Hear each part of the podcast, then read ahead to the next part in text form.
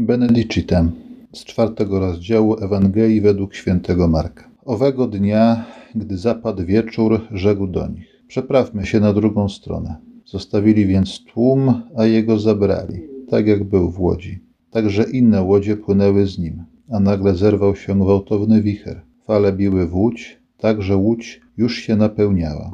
On zaś spał w tyle łodzi na wezgłowiu. Zbudzili go i powiedzieli do niego: Nauczycielu, nic cię to nie obchodzi, że giniemy. On powstawszy, zgromił wicher i rzekł do jeziora: Milcz, ucisz się.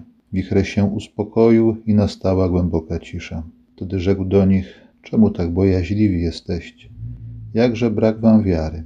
Oni zlękli się bardzo i mówili między sobą, kim on jest właściwie, że nawet wicher i jezioro są mu posłuszne. Piękne pytanie na zakończenie rozdziału czwartego, w którym czytaliśmy przypowieści Pana Jezusowe, których głównym tematem był On sam w tajemnicy Królestwa Bożego. I nawet przemyślawszy, ciągle przemyśliwując i wracając do tych tajemnic, zadajemy sobie nieustannie pytanie, kim On właściwie jest, bo niezgłębiona jest tajemnica Jego bóstwa, niezgłębiona jest tajemnica Jego człowieczeństwa. Jak powiedział jeden święty, Chrystus jest cudowną kopalnią. Im głębiej stępuje się w głębsze otchłanie Jego tajemnicy, tym większe skarby, większe pokłady skarbów w nim znajdujemy, a wiemy, że to dopiero początek i odkrywaniu skarbów, tajemnic Jego bóstwa i człowieczeństwa nigdy nie będzie końca. Kimże On jest. Czytając tę Ewangelię, możemy też powiedzieć, że jest to obraz naszego życia. Nasza łódź płynie przez jezioro, Czasami jest cisza, czasami jest burza, ale nie to jest istotne, czy jest cisza, czy jest burza, jakim, na jakim etapie to nasze życie się znajduje.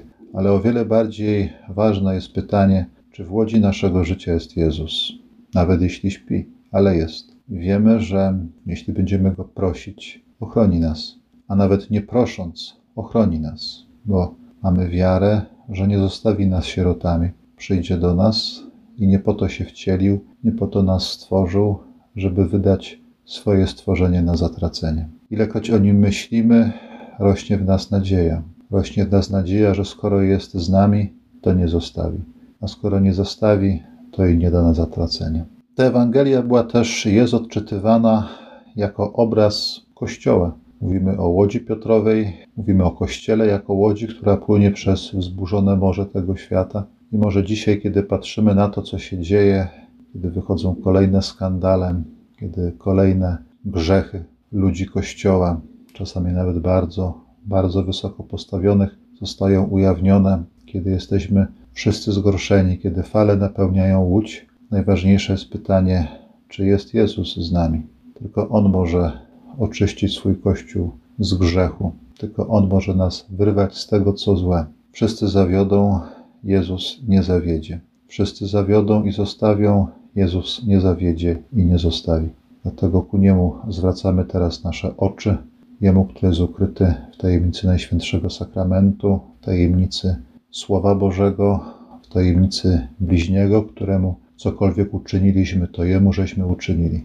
To są jakby trzy płaszczyzny podstawowe naszego działania, budowania naszej wiary. Żaden z nich nie może zostać zostawiony, tak żeby Kościół płynął dalej, tak żeby Bóg we wszystkim był uwielbiony.